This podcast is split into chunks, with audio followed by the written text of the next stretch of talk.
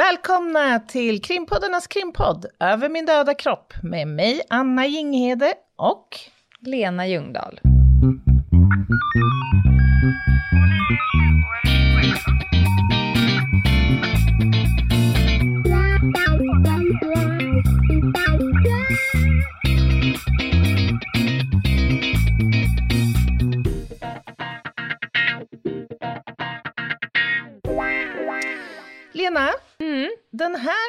Veckan samarbetar vi med Bookbeat och det här tycker jag är otroligt härligt. För att snart så kommer jag gå på sjukskrivning. Och vad gör man då? Ja, då kommer du ligga i gipsvagga. Precis! Och vad passar inte bättre när man ligger i en gipsvagga än att lyssna på ljudböcker? Visste Ja. du att Bookbeat är en ljudbokstjänst? De har 200 000 e och ljudböcker. Älskar att du sa det på samma sätt som eh, snigens tänder. Med emfas. Men det är en hisnande siffra. Det Ja. är det. Ja, visst är det det. Jag var in igår och tittade vad som fanns i True Crime-biblioteket. Mm. Och döm om min förvåning när jag kunde hitta 50, jag repeterar, 50 årgångar av nordisk kriminalkr- eh, kriminalkrönika. Alltså du minns de här årsböckerna där poliser själva berättar om sina mest uppmärksammade och omskakande och kanske mest utmanande fall. Ja. Jag hittade så många, ga- alltså galet många intressanta fall så jag kunde i princip inte sluta läsa. Visst är det grymt? ja, men det, det är grymt. Och eh, öronen är det enda som kommer att eh, funka på dig i en ganska överskådlig framtid. Ja, men vad härligt. Ja, och sen innehåller varje band 700 sidor ungefär. Ja, Du, har fattar ju inte själv. tid att bli frisk. Nej. Har du hunnit sondera någonting? Jag ska ju idag hoppa in i en bil och åka bil väldigt många timmar och det är ju då som jag njuter som allra mest av ljudböcker. Då pluggar jag i eh, öron eh, handsfritt och sen så låtsas jag om som att det inte sitter något barn i baksätet. och nu är jag rätt sugen på en bok som jag hittade som heter Granskogsfolk Jaha. av David Turfjell. Har du du- hört talas om den? Nej, men det känns som att den är väldigt ändamålsenlig sett till att du ska åka upp till skogs. Ja, men lyssna på meningen. Ja. Är det så att det är ute i skog och mark som den avkristnade svenskarna möter det som en gång söktes i kyrkan? Är naturen svenskarnas nya religion och hur blev den det i så fall? Nej. Hello, you had me at skog. den här vill man ju gärna få en uppföljning på sen. Ja, det kommer Faktiskt. komma. Ja, Just nu så kan man i alla fall lyssna på upp till 20 timmar i månaden för 99 spänn i månaden. Mm. Det finns ju en massa olika paket beroende på vad man är för läsare eller lyssnar typ av böcker. Mm. Och för guds skull, med koden KRIM så får man nu prova Bookbeat helt gratis i en hel månad. Och det här Ja. gäller alla nya Bookbeat-användare. Så och vad då gör går man? man in på alltså bookbeat.se. Och Ja. det var väldigt lätt att komma igång. Tack för det Bookbeat. Tack. Då går vi rätt in på dagens ämne. Mm. Jag har ju varit på studiebesök. Det är inte all, alltid man gör det. När var du på ett studiebesök senast? Var det prao? jag var på studiebesök på ett tämligen coolt ställe som jag kanske inte tror att så många vet att det finns. Och det är alltså ett, ett ställe som, eh, det kommer framgå lite senare, jag höll en intervju med någon där, men som hanterar och söker, det var ganska mycket coola apparater, och kikar på försändelser och kan liksom titta in utifrån, röntga och se om det finns pulver och bomber och granater och annat i de här försändelserna innan de når sin mottagare här i Sverige. Men är det då om man har, har misstanke om att det skulle vara så en viss försändelse, eller hur funkar det? Vet du det? Nej men det här företaget, Checkport som de heter, man, eh, nej, man kan ha det som en, en, en gängse rutin. Vissa eh, institutioner i Sverige och företag och sådär har ju någon form av latent hotbild ongoing så att Ja, säga. då förstår jag hur det funkar. Och då eh, vill de in, alltid vara säkra på att Ja, de inte klart. får skit in i systemet. Och det här är ju, vi kanske, det kanske inte är vårt absoluta expertområde, du och Nej, jag Anna. nej. Så då gör ju vi så. Det har ju hänt tidigare att vi helt enkelt ringer upp en, en eh, vi, vi drar en livlina Och det är det, det. vi har gjort idag. Men vi ska börja med att prata vår del av det hela, det vi Ja. själva kan. Får Jag- jag ta en, ett litet reklam? En liten reklam. Mm. Varsågod. Och det är ju, vi kommer ju, det här handlar ju liksom om att hotas och skrämmas och skada via postgången. Vi- I avsnitt 29 så pratade vi om att hotas och skrämmas med liksom det verbala och med skrift, hemska brev, hemska, hemska klipp på sociala medier och sådär. Så vill man lyssna på det så är det avsnitt 29. Just Mm. det. Och eh, jag måste säga, jag är svårt avundsjuk på dig som får göra det här studiebesöket. Jag hade gärna följt med. Det superspännande. förstår jag. Ja. Ja, Men ska vi... men, ja Försök- hur, hur angriper vi det här? Ja, men jag tänker så här, ska vi först försöka reda ut vad det här är för typ... Alltså, jag tror så här, de flesta har, har hört talas om både pulverbrev och brevbomber och, och så vidare. Och jag tänker att vi kanske ska försöka ge någon slags grund, någon utgångspunkt till liksom ämnet, vad det innebär för polisens del. Eh, vi förhåller oss till detta som så kallade CBRNE-händelser. Mm. Har du gått den där utbildningen? CBRNE? Det har jag. Ja. Jajamän, jag har haft såna här gummisaker på fötterna och, och övat med mask och gått in i saker som kan sprängas. Det är en, utbildning som är ganska rolig. Man känner sig som en mångubbe. ja, men det är en rolig utbildning och framförallt så är den ju väldigt viktig för att CBRNE det är alltså den samlade benämningen för kemiska, biologiska, radioaktiva, nukleära och explosiva ämnen. Eh, Alltså olika typer av ämnen som kan orsaka skado, skada på människor, djur och miljö. Och i det här CBRNE-konceptet så finns ju åtgärder då kring allt från eh, att vi får kännedom om ett sånt här hot till det här som du är inne på med saneringskedja. Hur man ska ta hand om sina kläder, uniformspersedlar och allt som man har använt när man har jobbat med en sån här händelse. Jag känner ju redan nu, Anna, att du kan ju förmodligen prata om beståndsdelarna i explosiva ämnen i cirka tre veckor. Ja, Kan vi typ. redan nu utlova att vi kommer ha ett helt eget avsnitt som bara avhandlar bomber och granater? Ja, absolut. Det tycker jag. Och då tar vi hela brottsplatsmetodiken då också. Vad man ska leta mycket efter bra. och så. Mycket bra. Eh, C i CBRNE, alltså kemiska ämnen, det kan vara till exempel, om vi då nu uppehåller oss kring försändelser, det kan vara olika typer av pulver. Fentanyl till exempel. Och B, då pratar vi biologiska ämnen. Det skulle kunna vara resin till exempel, som utvinns ur resinväxten, som kan orsaka väldigt svåra sjukdomstillstånd och till och med död. Det kan vara nerium, det är en annan typ av växt som också är giftig för människan. Och det kan vara bakterier. Du kanske minns eh, antrax eller mjältbrandsbreven som kom Jajamän. till eh, Vita huset, var det väl va? Japp. För några år sedan. Eh, det kan vara lite allt möjligt och ofta när det handlar om eh, brev och försändelser så kommer det i pulverform.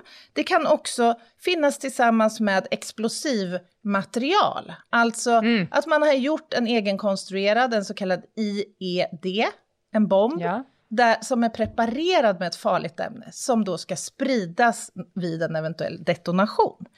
Det här leder oss in på bokstaven E som i Erik, eller E som i explosivämnen. Alltså ämnen som om de utsätts för en tillräckligt hård stöt, friktion eller värme oerhört snabbt kan gå från fast eller flytande form till gas samtidigt som det då frigörs en massa värme och man får en explosion. Och det här kan vara tändämnen s- som till exempel eh, finns i sprängkapslar. Det kan vara sprängämnen, dynamit eller sprängdeg. Eh, och det kan vara krut och det kan vara kryo, eller vad heter det, pyroteknik.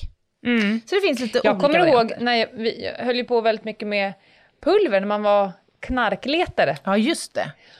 Och då var det någon gång vi åkte in med ett, du vet en sån här Big Pack glass 3 liters blå låda med Mhm. vitt pulver. Och vi vet ju väldigt sällan vad det är i de här, eh, när vi hittar knark hos folk. Nej. Det vet man ju inte förrän man har snabbtestat produkten och Mm. det är inte alltid man gör på plats. och då var det någon när vi hade den i, i, i, eh, i skuffen på bilen. Ja, perfekt. Och sen så, vad sa du? Ja, det är perfekt. Ja, eftersom eh, knarket måste ju från eh, den misstänkte till någonstans. Och sen så eh, hamnade vi nämligen i, därefter i en biljakt. Aha. Så att vi får ju runt med det jävla glasspaketet i eh, långt och ryckigt. Ja. Och då var det någon som sa så här, tänk om det är TATP? Just det. Då vart det bara, okej, då kommer det kunna sprängas av sig själv, av skakningarna här typ. Ja, och då kanske vi ska förklara vad TATP är. Det är ju alltså ett eh, hemmagjort explosivämne kan man säga. Peroxid, Ett peroxidsprängämne. Det står för triaceton triperoxid. Ett oerhört instabilt, stöt och friktionskänsligt material Ja. som ju lätt förknippa, eller förväxlas med narkotika och som till och med kan prepareras på så sätt att det ska ge utslag som för narkotika. Ja. Vilket gör det här väldigt, väldigt vanskligt. Och det handlar ju alltså om, med kanske 15-20 gram kan det orsaka en enorm explosion. Och det finns ett antal exempel på när hemmakemister liksom själva har labbat med detta och det har gått åt pipsvängen. Ja. Explosivämnen kan du ju annars hitta och det är ju det här som gör det hela lite problematiskt, eller hur vi nu ska uttrycka oss. Alltså explosivämnen används ju i olika sammanhang. I Försvarsmakten till exempel, gruvindustrin och eh, i, i lite andra sammanhang, vilket gör att det här finns, det finns ju en marknad som är helt legal för det här. Så, så ja, kommer det i orätta händer så att säga så kan det ju få förödande konsekvenser. När det gäller de här hemmagjorda explosivämnena så har man försvårat lite grann för att det finns ju olika typer då av sprängämnesprekursorer som man nu har liksom ehm, belagt med tillståndskrav och sådär som gör att det blir lite svårare i alla fall. Men om man vill tillverka explosivämnen så är det väldigt lätt att göra det hemma på sin kammare skulle man kunna säga. Ja, och nu sl- sladdar du förbi ett ord som jag tror kanske inte alla vet vad det är. Och det är alltså eh, ämnen som man behöver för att tillverka ett annat ämne, prekursorer. Precis, en prekursor ja. Ja, det stämmer bra. Eh, och när kan det tänkas då användas de här explosivämnena i det här sammanhanget, alltså postala hot? Ja, men det vi kanske först tänker på det är ju brevbomberna. Eh, och då handlar det ju om improviserade, kan man säga, explosiva laddningar som man tillverkar själv och som man eventuellt preparerar med ett farligt ämne. Eh, och de kan se väldigt olika ut. De kan vara tidsutlösta eller fjärrutlösta eller till och med offerutlösta. Men, men det är ju sällan vid liksom postförsändelser. Utan då är de ju tids eller fjärrutlösta. Det finns ju också, eh, och det fick jag se såna här, eh, där man har satt avlösaren så som när man öppnar ett paket. För att, så här, om, om ett explosivt ämne klarar postgången, alltså om den har klarat av hela postgången och vad som händer med ett paket under postgången, så kommer det inte sprängas av sig själv när det står framför dig. Det är ju liksom första lugna ögonblicket för ett paket, utan då kan man ju ha riggat så att det är att när du öppnar det, eller att det är ljuset som gör det, eller att det är liksom att du drar av en tråd eller någonting sånt. Det är ju någon form av, av handhavande som löser ut det. Du behöver ha någon form av initiering och det Ja. kan vara en massa olika saker. Och det tänkte att det kan vi prata lite mer om i bomber och granatavsnittet. Eh, Jaha, Jag tänkte, ska vi bara helt kort beskriva vilka de initiala åtgärderna kan vara för polisen? Om, låt säga ett företag eller en institution eh, ringer och meddelar att de har en försändelse här nu som de tror kan vara farlig. Eh, och det är ju inte så alldeles ovanligt att vi får de här samtalen. Eh, men däremot så är det ganska ovanligt att försändelserna faktiskt innehåller farliga ämnen. Det kan ju finnas olika anledningar liksom till att man misstänker att det är så. Men hur den är så är det ju ingenting som man någonsin kan chansa på. Utan man måste ju försäkra sig om ja. Man får hantera det som, som skarpt tills annat sägs. Exakt, det var precis det jag vill komma fram till. Japp. Så är det, och det är ju rimligt. Eh, så vad, vad gör då den här första patrullen som ska åka ut på det här jobbet? Hur går tankarna där tror du i radiobilen, Lena? Hjälm och tandskydd. ja, precis. Nej, men alltså det här, eh, man får ju, det här är ju typiskt sånt där eh, tillfälle där man måste tänka till före och vara smart före och fundera på tanken, är det överhuvudtaget jag som ska åka till den här platsen? Eh, behöver vi meddela någon annan grupp, polisiär eh, grupp, som behöver ta tag i det här. Precis. Så kan det man finns ringa ganska vän? mycket samtal och frågor och, och olika livlinor att dra i innan man helt enkelt sladdar dit och tar ett litet smakprov. Ja, och de här ärendena sker ju, eller drivs ju ofta i samverkan med till Ja. exempel räddningstjänst och MSB och sådär. Men det är ju viktigt liksom att få eh, göra en första analys eller bedömning av hotet och risken. Och då finns ju några sådana här bra minnesregler att komma ihåg när man ska närma sig en sån här plats. Och det ena är ju att försöka liksom lägga upp en plan innan naturligtvis. Alltså vad kan det vara fråga om för ämne? Vad har vi fått ut för information?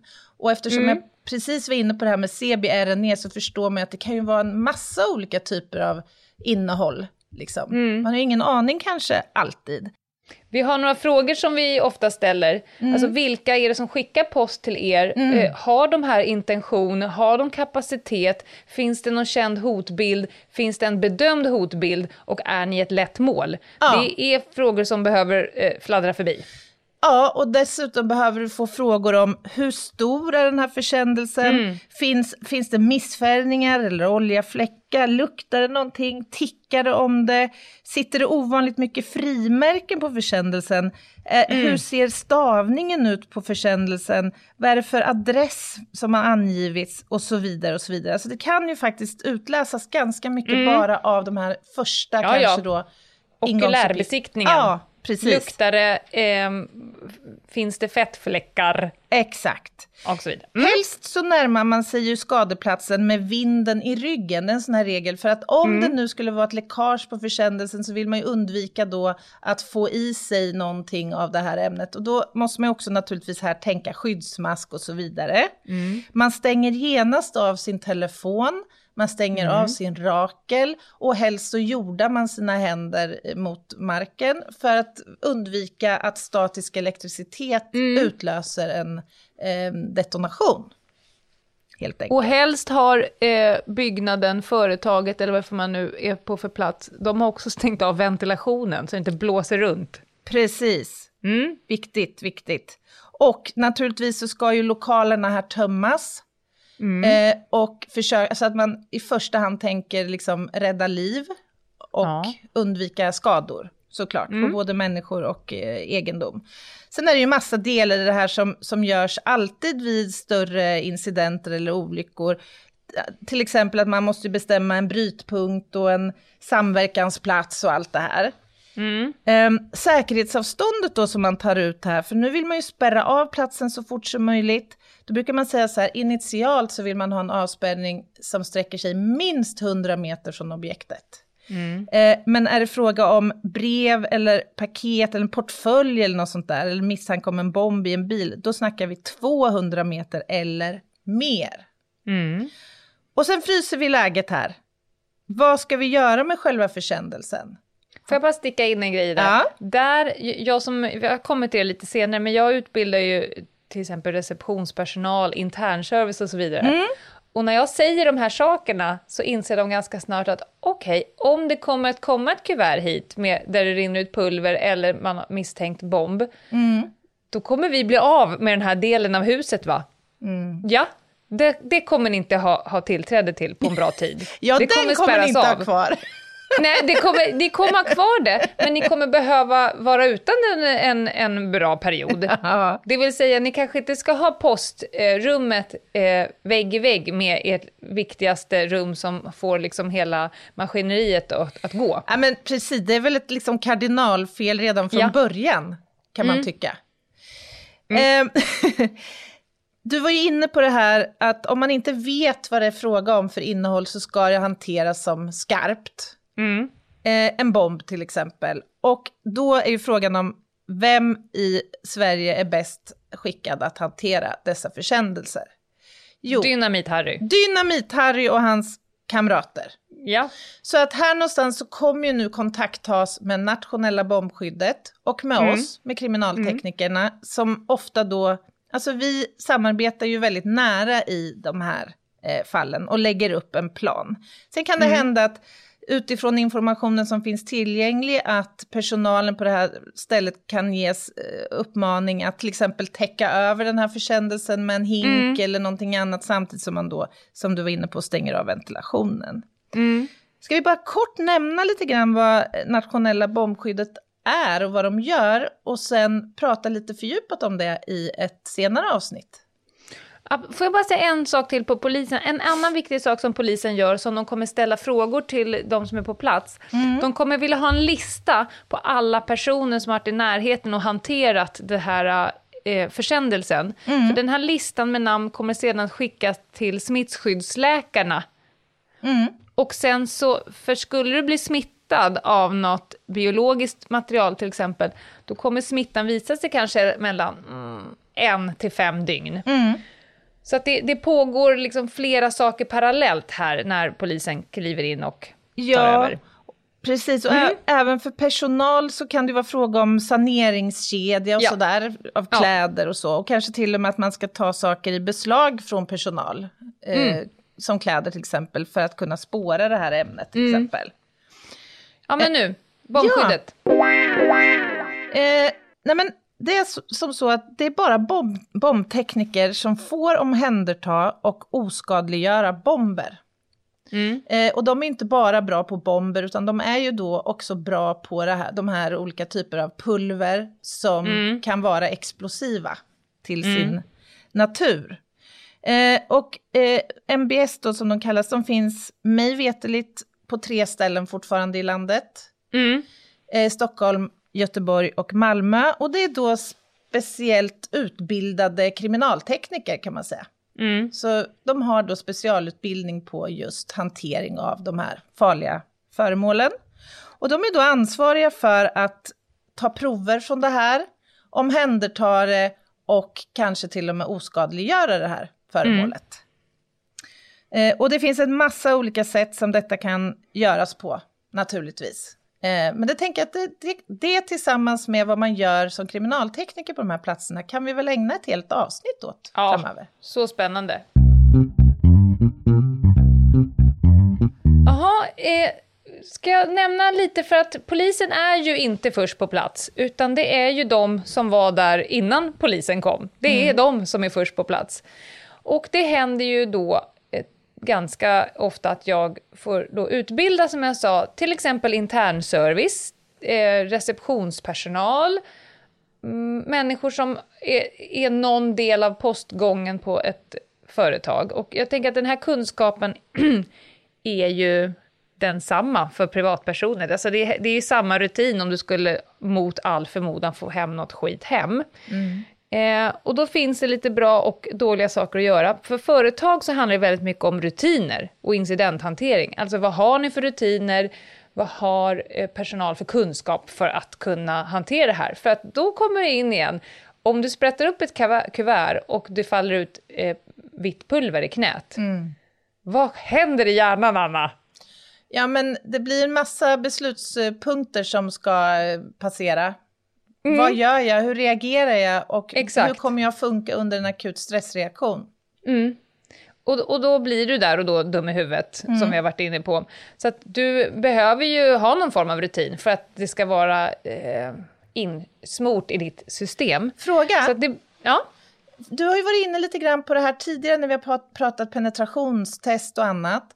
Att mm. företag och organisationer tenderar att eh, vara lite dåligt förberedda för olika mm. typer av allvarliga händelser. Mm. Är det här en sån typ av händelse där du har sett att det kanske inte alltid finns så bra rutiner?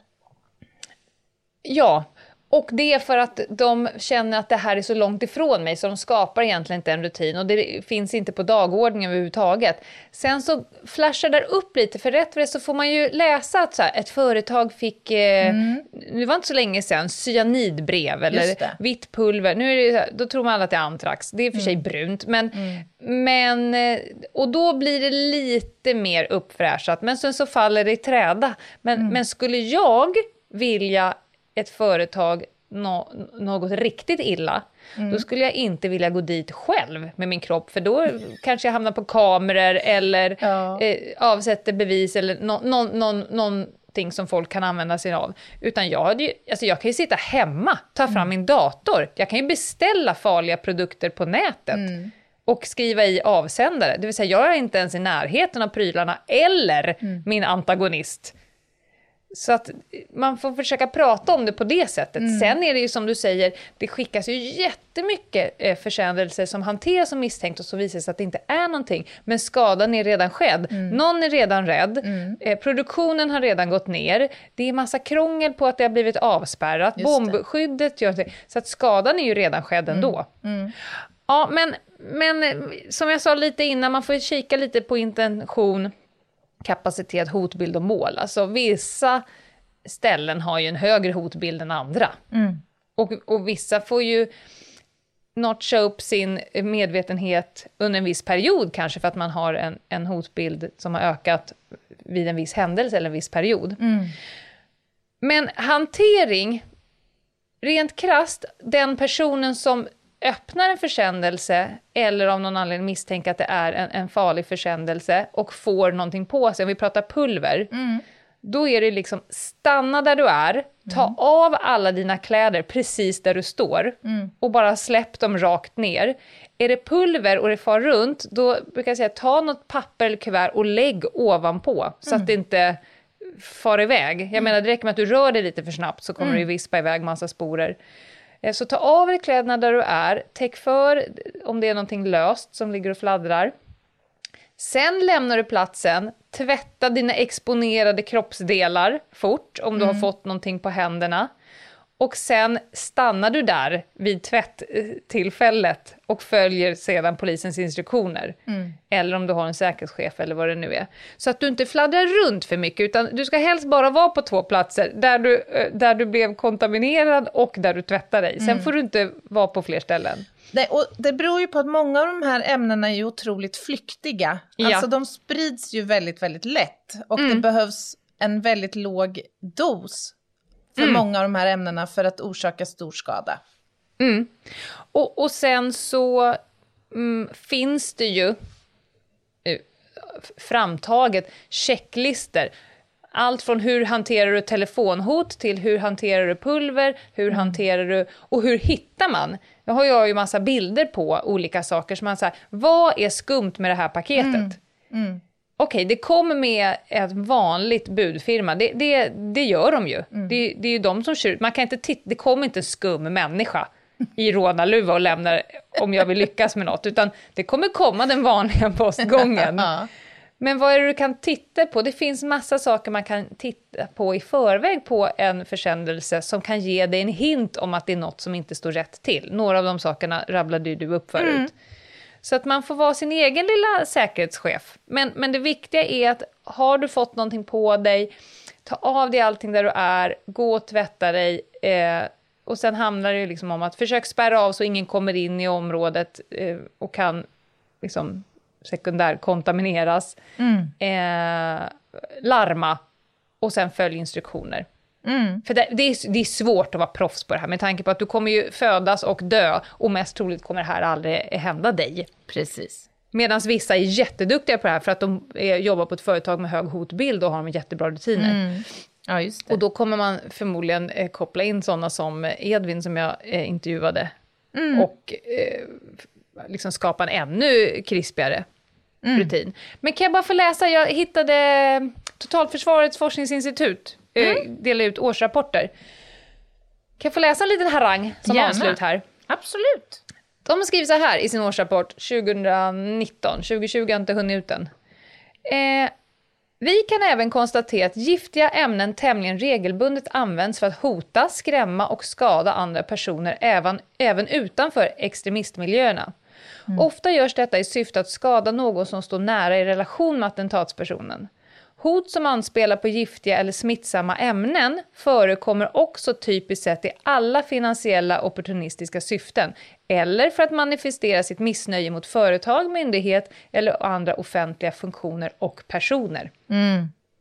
Så att det här är ju en grej. Det är lätt att tänka att det händer ju aldrig, men det gör ju det. Ja, och det, det är lätt att tänka terrorbrott bara. Ja. Men här pratas det ju faktiskt om nära relationer. Mm. Eh, och det kan ju vara mellan vilka personer som Ja. helst egentligen. Mm.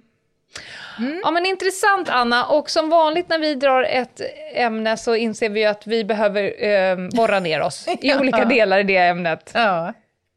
Så vi utlovar ett bomber och granater avsnitt. Ett poddtips från Podplay. I podden Något Kaiko garanterar östgötarna Brutti och jag, Davva, dig en stor dos skratt. Där följer jag pladask för köttätandet igen. Man är lite som en jävla vampyr. Man har fått lite blodsmak och då måste man ha mer. Udda spaningar, fängslande anekdoter och en och annan arg rant. Jag måste ha mitt kaffe på morgonen för annars är jag ingen trevlig människa. Då är du ingen trevlig människa, punkt. Något Kaiko, hör du på Podplay. Därför är gardinerna. Ja, och nu kliver vi in i del två i det här avsnittet för att nu ska vi prata med någon som eh, ägnar hela sitt liv åt farliga försändelser. Mm. Det är spännande. ja, verkligen. Eh, vi ska lyssna på en intervju som jag hade med en eh, Edvin som jag fick förmånen att komma på studiebesök hos för att lära mig lite mer. Spännande. Ja, men då är det dags för den här intervjun. Jag sitter i eh, Smiles studio i Stockholm och eh, har med mig Edvin som snart ska få presentera sig själv. Eh, jag har fått uppleva en, ett ganska coolt studiebesök. Till Annas stora förtret har jag varit på en plats med ganska mycket coola gadgets och utrustningar. Och eh, ja, vem är det jag har framför mig? Du får presentera dig själv. Hej, tack! Edvin Simensköld heter jag och jag driver ett företag som heter SIP Checkport. Vi är ett säkerhetsföretag som är specialiserade på post och godssäkerhet. Och varför har jag med mig dig då, då? Jo, det är ju för att jag och Anna, vi penslar brett över rättsväsendet och hela krimspektrat kan man säga. Och eh, då och då dyker vi ju, kanske man inte tror, men på ett område som vi inte har som egen kärnverksamhet och då drar vi gärna en livlina för att prata med den som faktiskt är proffs på ämnet. Och är du Sveriges eh, bästa proffs på det här ämnet? Ja, jag skulle i alla fall vilja säga att vi på Checkport tillsammans är utan tvekan branschledande i Sverige på ämnet post och godssäkerhet. Roligt, men om du ska ge oss lite bakgrund då. Eh, till exempel Anna Eh, och jag själv innan jag fick nys om er visste ju inte ens om att det fanns några utanför, ja men säg polis och räddningstjänst som håller på med farliga gods. Så vad, vad, hur kom ni in i det här och vad är historiken kring det här med post och godssäkerhet i Sverige? Historiken till det här är egentligen att idén är ingenting nytt, men det har saknats i Sverige. Det har funnits enskilda företag och myndigheter som har säkerhetskontrollerat sina inkommande försändelser. Men det har inte funnits någon spelare på marknaden som har gjort det här. Och vi drog igång det här för några år sedan, bland annat tillsammans med Postnord och några av de större myndigheterna i Sverige. Och då ställer jag frågan som jag tror kanske många tänker nu. Är ni, är ni en konkurrens eller ett komplement till myndigheterna, säg polisen? Vi är inte på något sätt ett substitut för de utryckande myndigheterna utan Nej. vi är absolut ett komplement till dem. Ja, och eh, de vet att ni finns och tycker om er. Ja, jo men det gör de ju absolut. Vi har ju både samövat och haft diskussioner med till exempel nationella bombskyddet och Ja. de har också varit hos oss i våra lokaler i skarpt läge. Mm. Och då har vi tagit mycket input från dem hur vi ska jobba.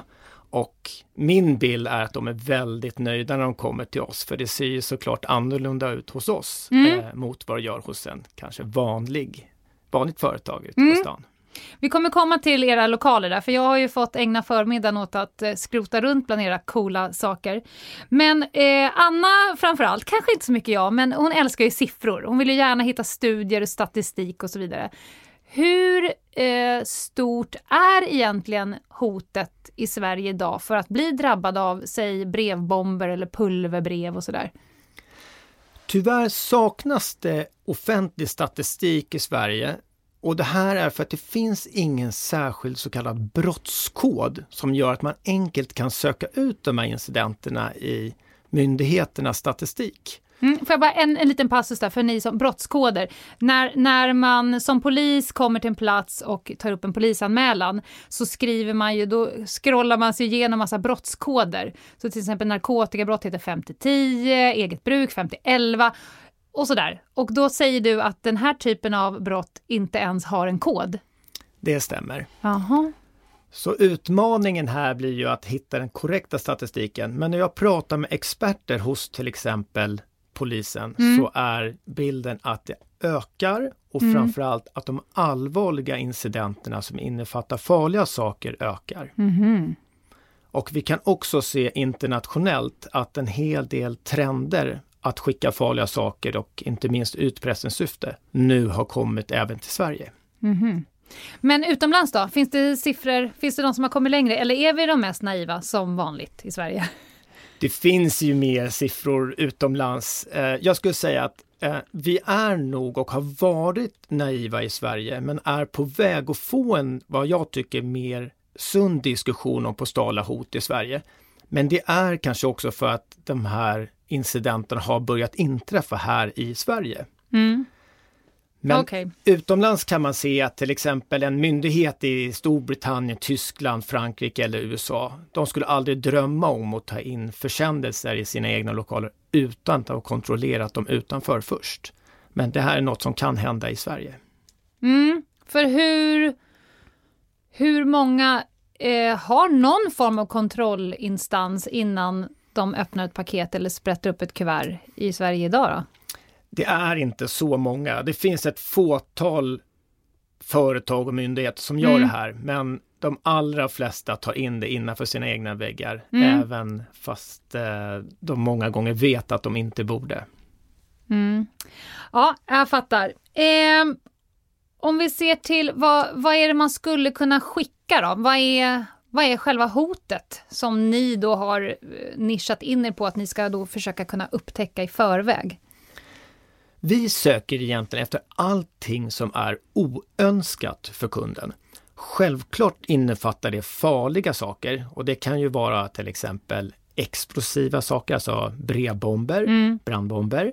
Det kan också vara kemiska eller biologiska hot då, eller kemiska och biologiska ämnen. Det kan också vara radioaktiva ämnen.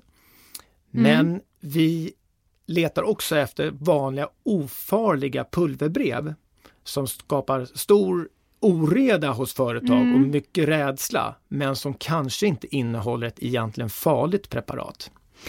Ja, för det, det pratade jag och Anna om eh, eh, inledningsvis i det här avsnittet, att det skickas ju väldigt mycket. Jag har ju själv hanterat sådana eh, händelser både som polis eller fått ta upp anmälan, men också nu inom näringslivet. Det är ju väldigt sällan det faktiskt är skarpt, men man hanterar varje händelse som skarp tills man vet annat. Alltså, får du ett brev och sprättar upp det och du får pulver i knät, då kommer du, du bli drabbad oavsett om det är skarpt eller inte. Ja, det här stämmer. Och det här är ju en stor utmaning att när man inte vet vad det är för typ av, som du tog upp nu, som pulver till exempel. Om man vet om det är farligt eller inte, så är det klart att det får jättestor konsekvens. Och självklart så blir man ju väldigt orolig och otrygg om man öppnar upp ett brev och så läcker det ut pulver. Och då är det klart att man måste vidta alla de åtgärderna för största möjliga fara som man kan tänka sig. Men ska vi, ska vi ta pulverbrevet som exempel då? Om eh, ett sånt där pulverbrev, för ni har ju som en, en terminal. Eh, den, det var ju ganska mycket coola grejer där. Jag vet att ni inte kan prata exakt om vad exakt hur ni gör det. Men om vi ska ta pulverbrevet, om den kom, kan vi ta pulverbrevets gång genom er terminal? Kan du beskriva vad som händer med det här brevet eh, så mycket som du kan i alla fall? Mm, absolut. Alla försändelser kommer till våran terminal. De kan komma egentligen ifrån vem som helst. Är det brev så kommer det ju såklart ifrån Postnord, men det kan vara vilken typ av försändelse som helst. Ett paket eller bud eller gods. Och sen börjar vi egentligen vårt arbete som är ungefär som att lägga ett pussel. Vi har en, en process i flera steg, ungefär som att lägga klart ett pussel. Där varje pusselbit är ett, är ett moment där vi letar efter ett unikt hot eller att vi avfärdar ett visst hot. Och det här kan alltså vara att vi letar efter kanske radioaktiva ämnen, avlyssningsutrustning eller exempelvis ett pulverbrev. Och ni har ju ingen, ni har ju inga ingångsvärden, eller hur? Ni har inte fått en, ett tips eller en hint eller en, att det finns liksom en farhåga i grunden, utan ni börjar egentligen på noll på varje försändelse, eller? Ja, det stämmer. Självklart så är det så att om kunden har gjort en hotbildsbedömning Mm. och de anser att vissa enskilda anställda eller kanske om det är en enskild privatperson så kan vi hantera det brevet utefter en viss eh, hotnivå. Mm. Men generellt sett så gör vi allting från grunden och är lika noggranna med varje enskild försändelse. Mm. Så nu kommer brevet då, säg med Postnord, kommer till eran eh, in, ingång. Och vad händer sen? Då när vi får in den här så kommer vi börja- påbörja de här stegen då. Då kommer vi använda oss utav en mängd olika teknisk apparatur. Och man kan säga lite grann att vi både luktar, smakar och tittar på de här försändelserna ur ett tekniskt perspektiv. Ja, jag fick en jätterolig bild, men jag låter den vara. Ja, Och man kan säga att vissa av de här utrustningarna, de är som en mekanisk näsa, eller som en mekanisk hund, som är fantastiskt duktiga på att leta efter enskilda partiklar eller spårämnen av vissa partiklar. ja. Och man kan titta och hitta ända ner på nanogramsnivå. Mm. Eh, sånt som kommer in. För jag fick ju testa där. Ni tog ett kuvert med pulver och la på någon form av bräda. Då fick man ju känna med sina fingrar och då kan man ju konstatera att det kanske knastrar lite på sin höjd. Eh, och sen hade ni någon form av röntgenmaskin, kallar du den för det? Ja, vi måste ju kunna se vad som finns inuti alla försändelser Ja. så att vi eh, genomlyser eller röntgar då alla typer av försändelser. Och det här är för att vi vill inte öppna försändelser. Vi gör hela vår säkerhetskontroll utan att vi behöver öppna varje Mm. brev eller paket. Eh, och den här apparaten tyckte jag var rolig för att ni visade ju nu med lite olika saker så jag fick se hur det såg ut. Men då tyckte jag att det var så smart att apparaten slumpar in farliga saker in i era försändelser för att operatören då, den som sö- inte ska stå och somna till. Så att den eh, helt enkelt gör fiktiva grejer här och var för att ni ska liksom vara på tårna och upptäcka allting. Ja, det stämmer bra. Vi jobbar väldigt mycket med att ha våran personal på tå, att de ska tycka det är kul Mm. att jobba och att de ska veta vad de letar efter. För att titta på bara en röntgenbild gör ju inte att man hittar någonting, utan man måste ju verkligen förstå vad det är man letar efter. Mm. Hur en anordning för en brevbomb egentligen ser ut på en röntgenmaskin. Så även om man har en hel del teknisk utrustning men inte vet vad man letar efter Mm. så kommer det inte att hjälpa. Så personalen är en otroligt viktig del i vårat pussel eller i våran process. Mm. När vi stod där och pratade så likställde jag ju det med eh, när man ska göra kroppsvisitation på personer och försöka plocka ifrån dem det som är farligt.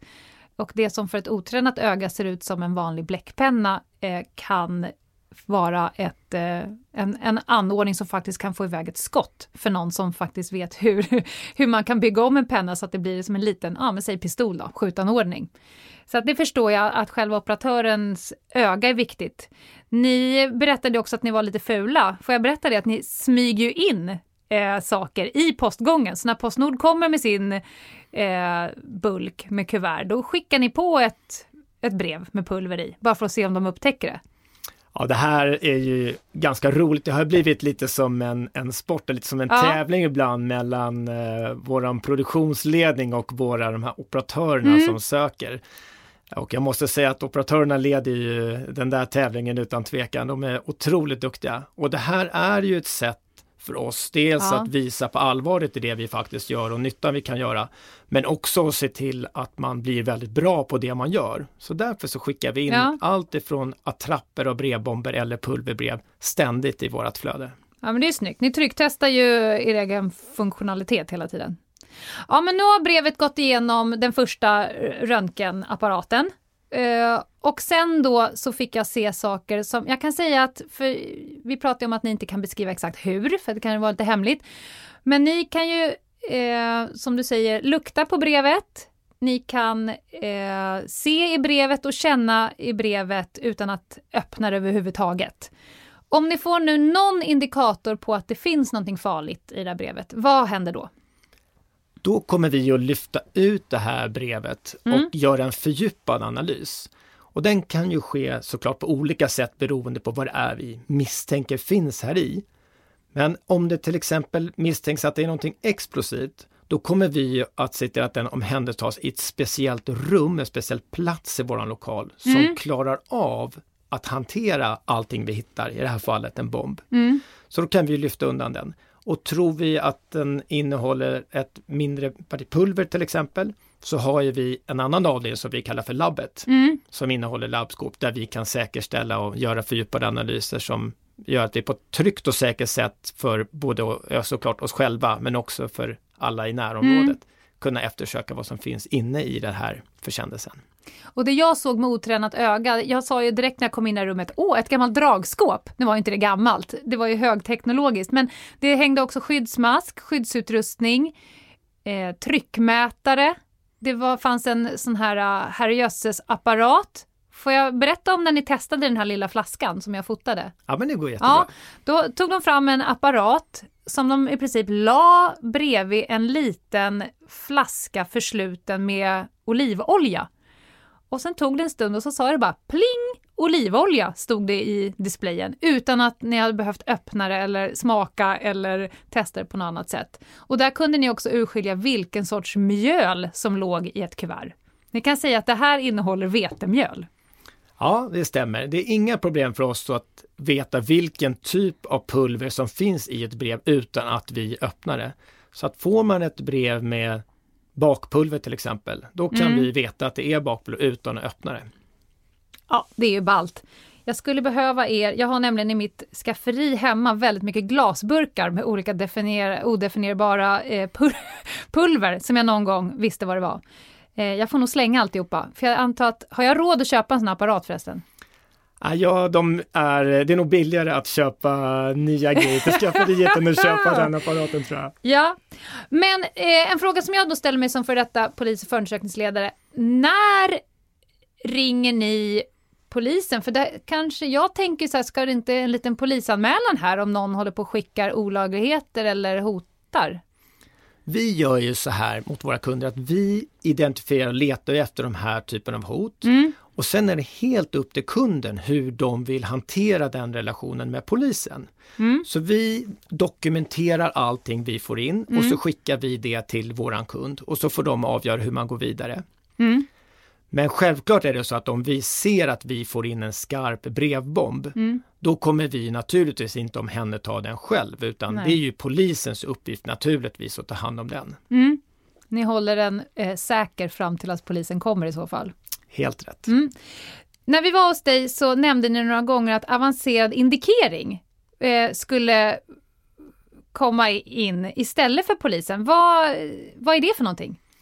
Avancerad indikering, det kan man säga är räddningstjänsten, alltså om man kan säga lite slarvigt brandkåren då. Deras specialenhet för att omhänderta alla typer utav farliga kemikalier och farliga pulver som, som kan, de kan åka på, en, på ett uppdrag.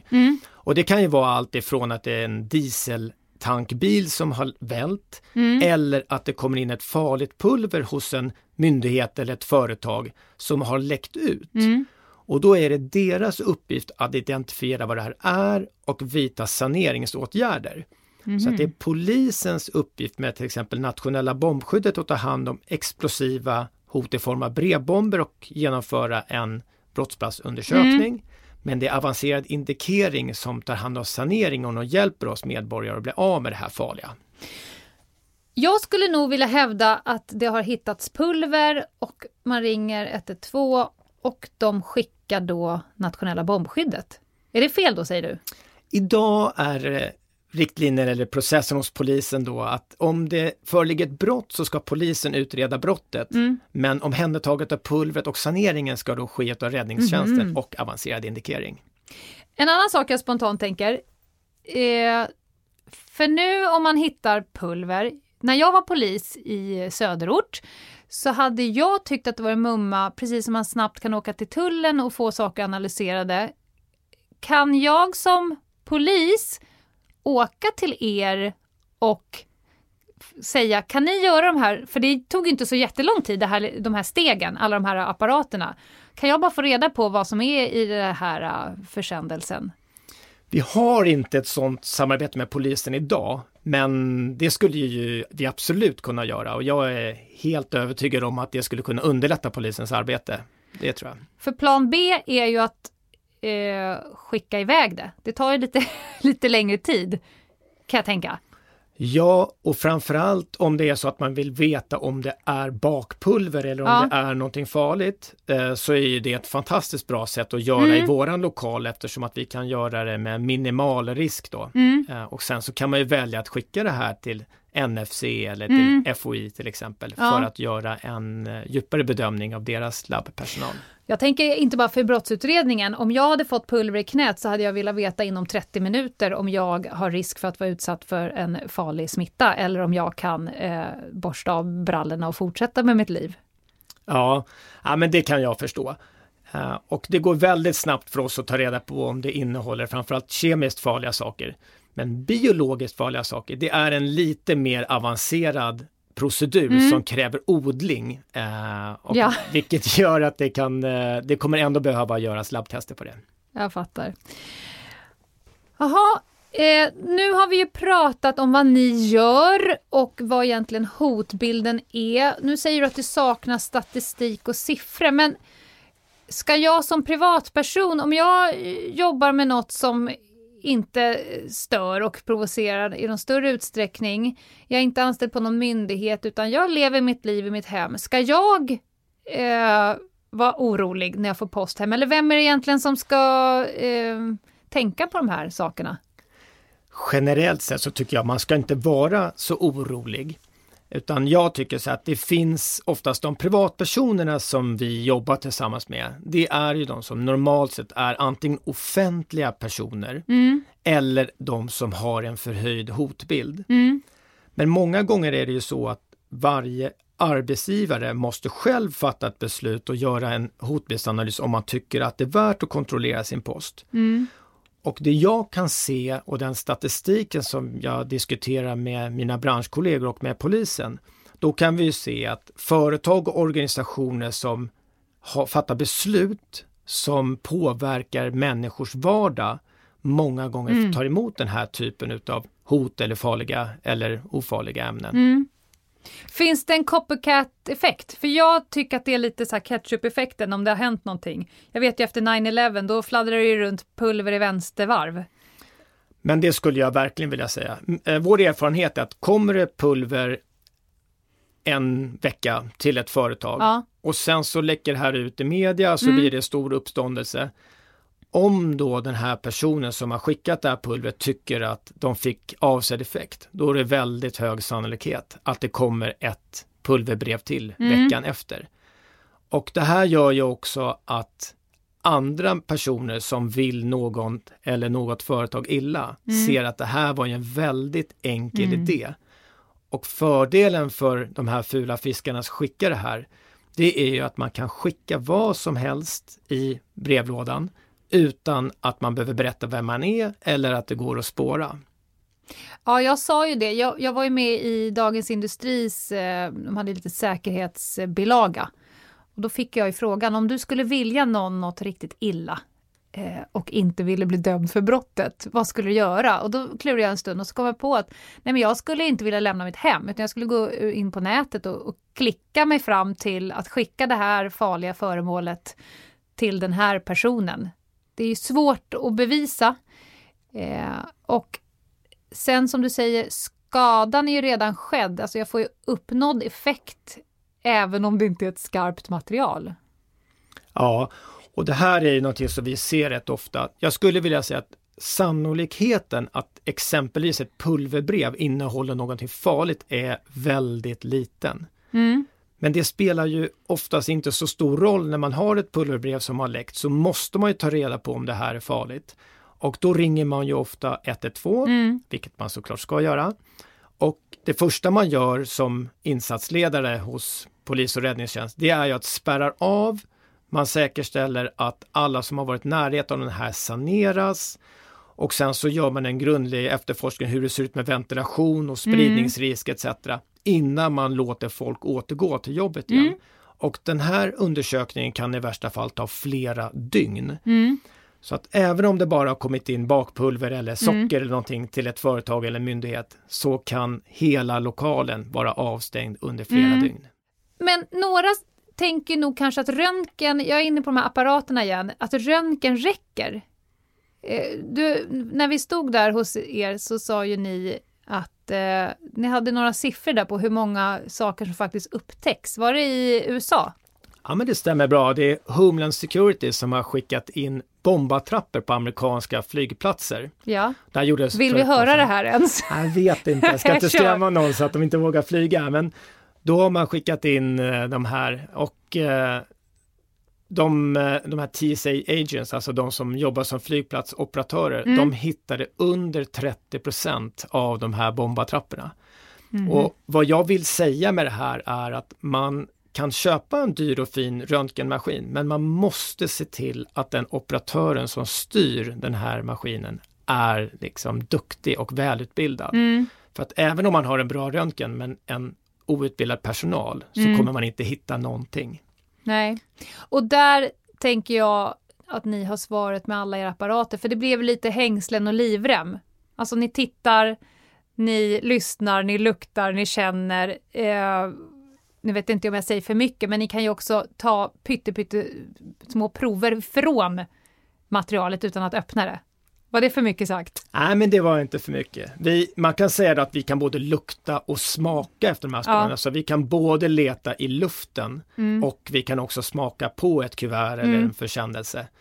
Vilket gör att vi ganska snabbt kan suga ut luften ur den här och hitta små, små partiklar med någonting som skulle kunna vara en avvikelse eller någonting farligt. Ja, eh, har ni OB-tillägg, de som jobbar med det här? Har de hjälm på sig? De har tillgång till all skyddsutrustning Ja. de behöver naturligtvis. Bra! Eh, om du får säga om framtiden då?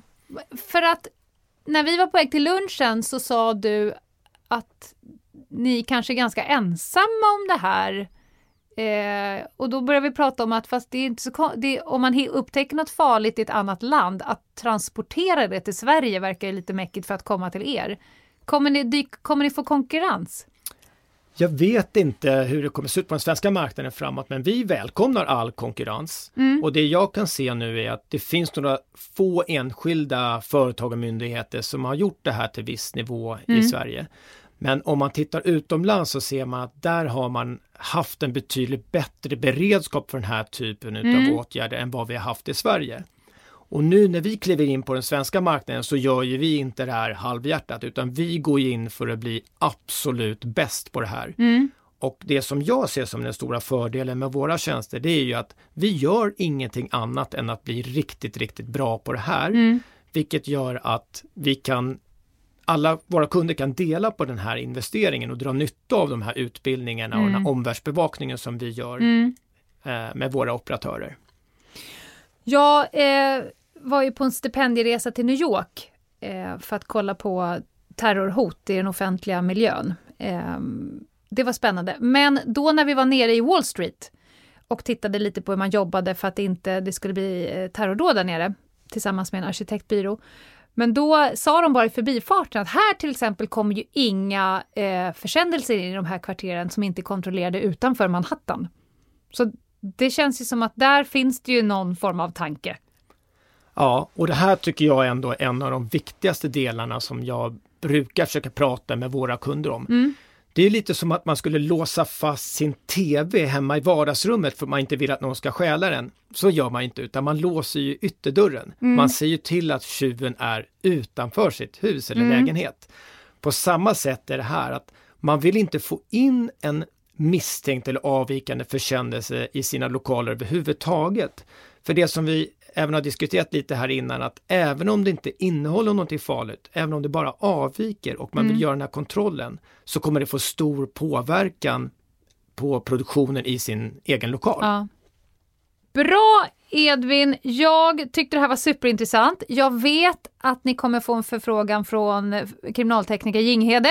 Hon vill garanterat komma och klämma och känna på era eh, saker. Jag tog ju faktiskt ett litet foto skickat till henne och fick ett ganska ekivokt svar med en svordomssalva för att jag som egentligen inte är så intresserad av pryttlar fick göra det här.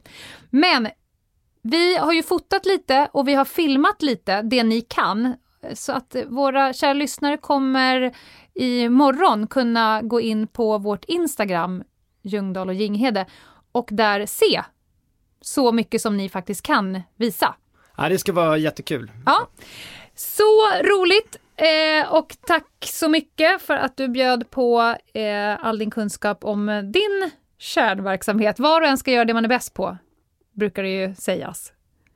Eh, tack! Tack så mycket. Fasen vad intressant Lena, bra intervju. Det låter som Mm, han har en ganska spännande tillvaro tycker jag. Borde inte han jobba hos polisen istället? Behövs de här företagen? Ja, men det tror jag. Jag tror, och jag som nu har varit i näringslivet i några år, ser ju alla former av sånt här som komplement. Det är ju ingen större konkurrenssituation här. Utan det här är ju ett rent komplement och jag är helt övertygad om ett eh, tajt samarbete om det skiter sig. Mm. Men vet du, ska jag, vara, ska jag vara ärlig så hade jag ingen aning om att de här företagen fanns Nej. innan du berättade det här för mig. Nej. Jag nosade upp det och insåg att jag måste få se med mina egna ögon. Jag har gjort lite småfilmer som jag kommer att lägga ut på Instagram. Det ser vi fram emot.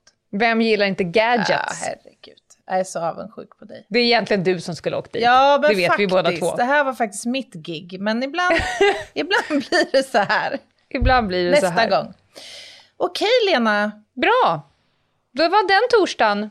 Ja. Snart är det lördag och så är det måndag igen. Ja, det är otroligt vad tiden går snabbt. Men Mm. du, vad gör man i väntan på måndag? Då eh, hänger man med oss på Instagram på lördag, kvart över elva, då vi lajvar.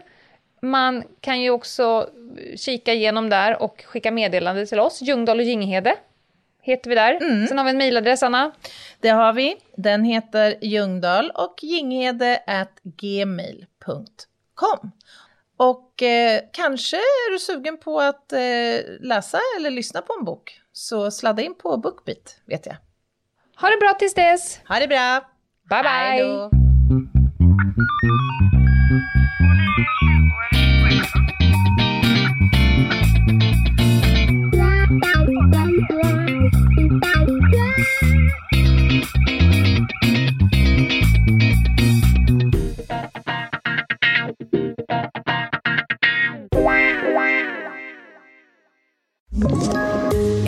Ett poddtips från Podplay. I fallen jag aldrig glömmer djupdyker Hasse Aro i arbetet bakom några av Sveriges mest uppseendeväckande brottsutredningar. Går vi in med hemlig telefonavlyssning och, och då upplever vi att vi får en total förändring av hans beteende. Vad är det som händer nu? Vem är det som läcker?